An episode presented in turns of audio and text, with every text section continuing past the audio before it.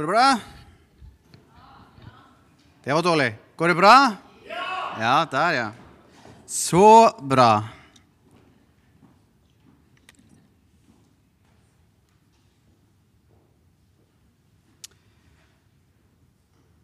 Først av alt så har jeg lyst til å lese teksten i dag. Og det står i Matteus 4, 1-11. Jesus ble så av ånden ført ut i ødemarken for å bli fristet av djevelen. Han fastet i 40 dager og 40 netter og ble til sist sulten. Da kom fristerne til han og sa, Er du Guds sønn, så si til at disse steinene skal til, bli til brød. Jesus svarte, det, så, det står skrevet, mennesket lever ikke av brød alene, men av hvert ord som kommer fra Guds munn. Da tok djevelen ham med til den hellige byen, stilte ham ytterst på tempelmuren og sa, Er du Guds sønn, så kast deg ned herfra. For det, det som står skrevet, han skal gi englene sine befaling om deg. Og de skal bære deg på hendene, så du ikke støter foten mot noen stein. Men Jesus sa til ham, det står skrevet, du skal ikke sette Herren din på prøve. Så tok djevelen han med seg opp på et meget høyt fjell og viste han alle verdens riker og deres herlighet og sa, alt dette vil jeg gi deg dersom du faller ned og tilbyr meg. Da sa Jesus til han, bort fra meg, Satan, for det står skrevet, Herren din Gud skal du tilbe, og ham alene skal du tjene. Da forlot djevelen ham, og se, engler kom og tjente ham. Amen. Jeg er veldig glad i eh, historier, og har gjerne lyst til å alltid å starte andakt eller taler med en historie til å sette ting i litt perspektiv. Og det har jeg lyst til å fortelle dere en liten historie nå. Det var en gang en far ved navnet Seth som hadde to sønner som kranglet stygt om fordeling av eiendom. En dag kjempet begge brødrene så mye at det var nesten når som helst at de skulle drepe hverandre. Når Seth så dem, så begynte han å le veldig høyt. Da begge brødrene så faren le, glemte de om kranglingen og spurte faren hvorfor ler du så fælt. Far sa, dere kjemper så mye om et lite stykke land. La det være.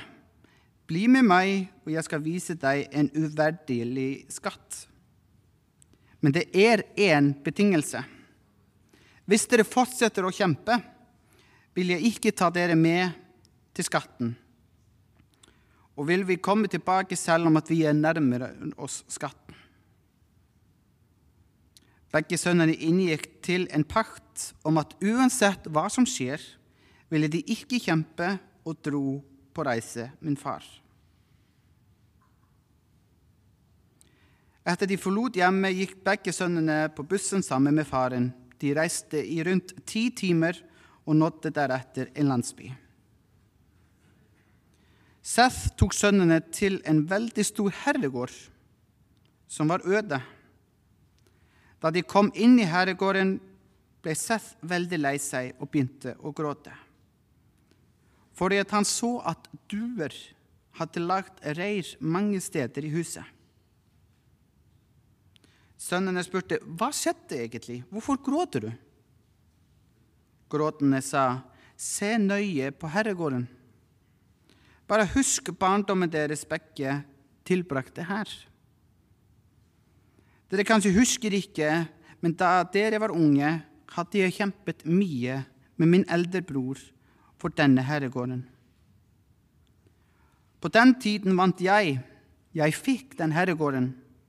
Men jeg mistet broren min for alltid, fordi han kuttet båndet mellom oss og dro for å bo i et fjernt land. Tiden gikk, og en dag måtte vi også forlate herregården. Sønnene lyttet nøye. Seth spurte, kjære dere, hvilke sete satt dere på bussen da vi kom hit? Skulle det setet vært vårt alltid? Begge sønnene sa sammen, hvordan kan bussetet være vårt for alltid? Ja, bussreisen fortsetter, og passasjerer på setet skifter stadig. Noen andre må sitte der før oss og i morgen sitter noen andre der.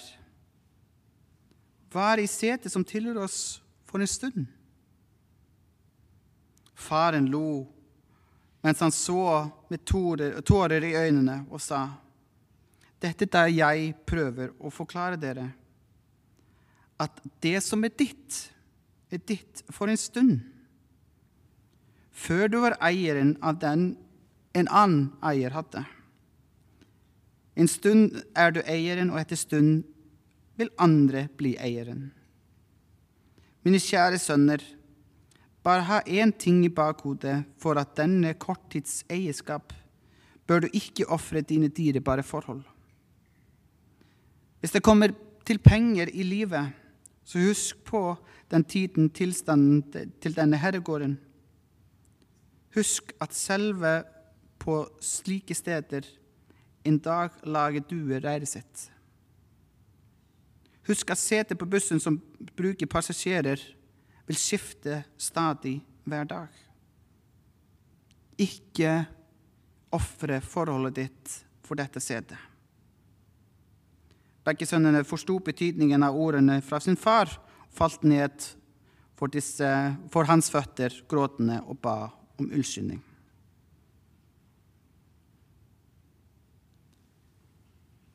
Ordet fastetid er ofte brukt på perioden på de 40 dagene før påske. På disse 40 dagene før påske skal vi følge Jesus på hans vandring mot lidelse, kors og død. At fastetiden akkurat består av 40 dager, er kanskje ikke akkurat tilfeldig. For at 40-tallet møter vi flere steder i Bibelen. Og det er akkurat det som vi skal snakke om i dag, når Jesus ble fristet i ørkenen. Rett før denne hendelse hadde Jesus blitt døpt av døperen Johannes i Jordanelven. Og Hvis du leser i Lukas, så knytter han båndet mellom disse begivenhetene sammen på en følgende måte. Fylt av Den hellige ånd vendte Jesus tilbake fra jorden og han ble av ånden ført omkring i ørkenen. Jesus møter døperen, blir døpt av ånden og over livet og tjenesten. Så ganske umiddelbart fører denne samme Guds ånd Jesus ut i ødemarken, hvor han møter djevelen. For en overgang! Fra glede og fellesskap med Gud og mennesker til ensomhet, sult og et konfronterende møte med selve fristelsen. Men det som jeg har tenkt litt Skjedde dette virkelig? Eller kan det være en myte?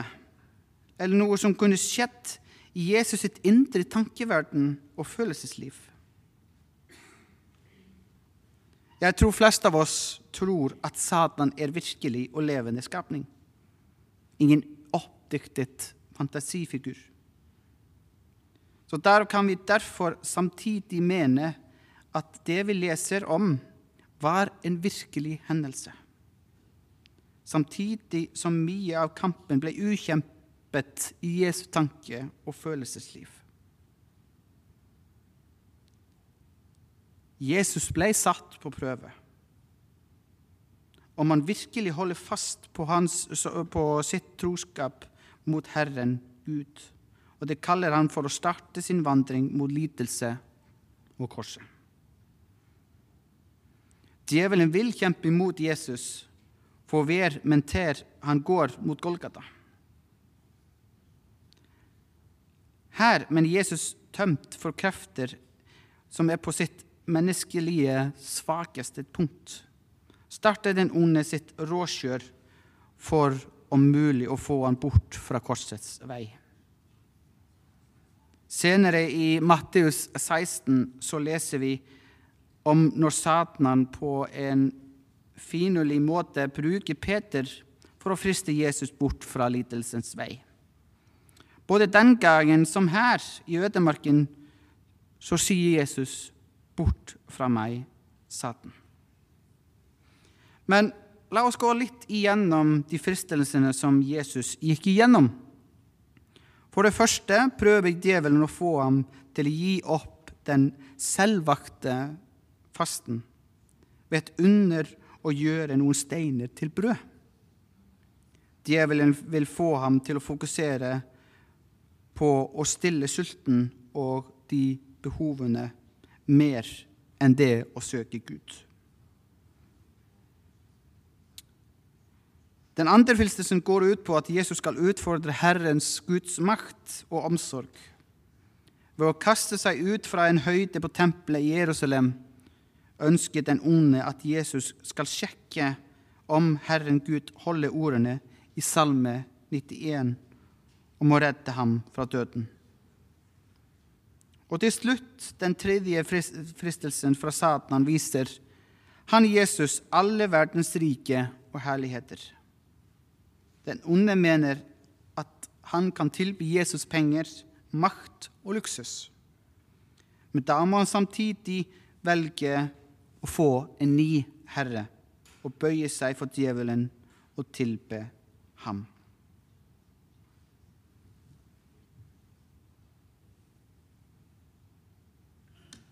Vi som mennesker blir prøvet. Vi blir fristet hver dag. Noen ganger faller vi.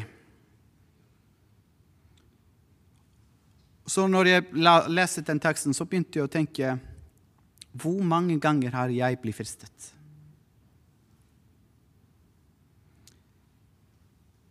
Jeg kan fortelle dere en liten historie som jeg opplevde når jeg jobbet ja, ca. 18-19 år på en bensinstasjon.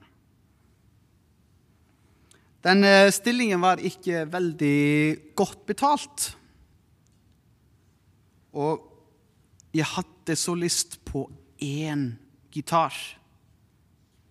Og han kostet masse, masse, masse penger. Jeg snakket med en av mine kollegaer som jobba sammen med meg, og sa at oh, det hadde vært så fint å ha masse penger, så jeg kan kjøpe den ene gitaren. Han sa jeg har um, en idé. Hvis du tar noe for meg og, og gir det til uh, en av uh, mine kolleger, så kan du få masse penger.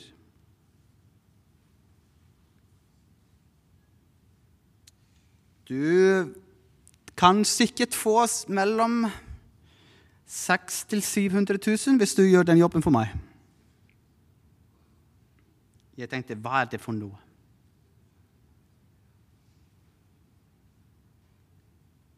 Han sa, du må levere noe for meg, og da kan du tjene masse.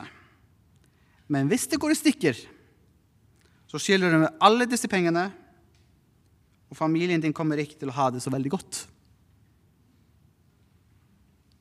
Snakker han om dop, tenkte jeg.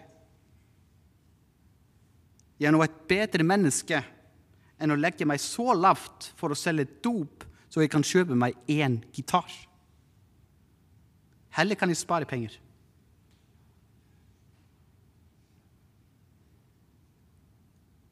Denne historien fikk meg egentlig å tenke den fortellingen hvordan Jesus ble frista. Gud vil aldri, aldri lede oss inn i fristelse. Og det lærer vi i vår far. Let oss ikke inn i fristelse. I Jesu fristelse i ørkenen finner vi minst en dobbel lærdom. For det første skal Jesus, Jesu fristelse være til inspirasjon for oss kristne i vår troskamper. Slik Jesus seiret over fristelsene, slik kan vi også lære hva som skal til for å stå imot djevelens listige angrep. Da Jesus talte Guds ord mot djevelen, da måtte den onde ti stilt. Bibelord og kristen kunnskap vil alltid være god og effektiv ammunisjon mot den ondes angrep. Jesus sier over fristelsene forteller meg at han også er med meg når troen står på prøve. Jesus kjenner til hva det innebærer å bli fristet. Så han kan ha medlidenhet med oss i våre skrøpelige prøvelsestider. Vi fristes og vi faller dessverre ofte. Heldigvis sto Jesus i og gjennom alle kamper. Hadde Jesus inne de fristelsene og prøvelsene, da hadde han ikke lenger vært uten synd. Da kan han heller ikke ha frelst oss som så ofte som faller i synd.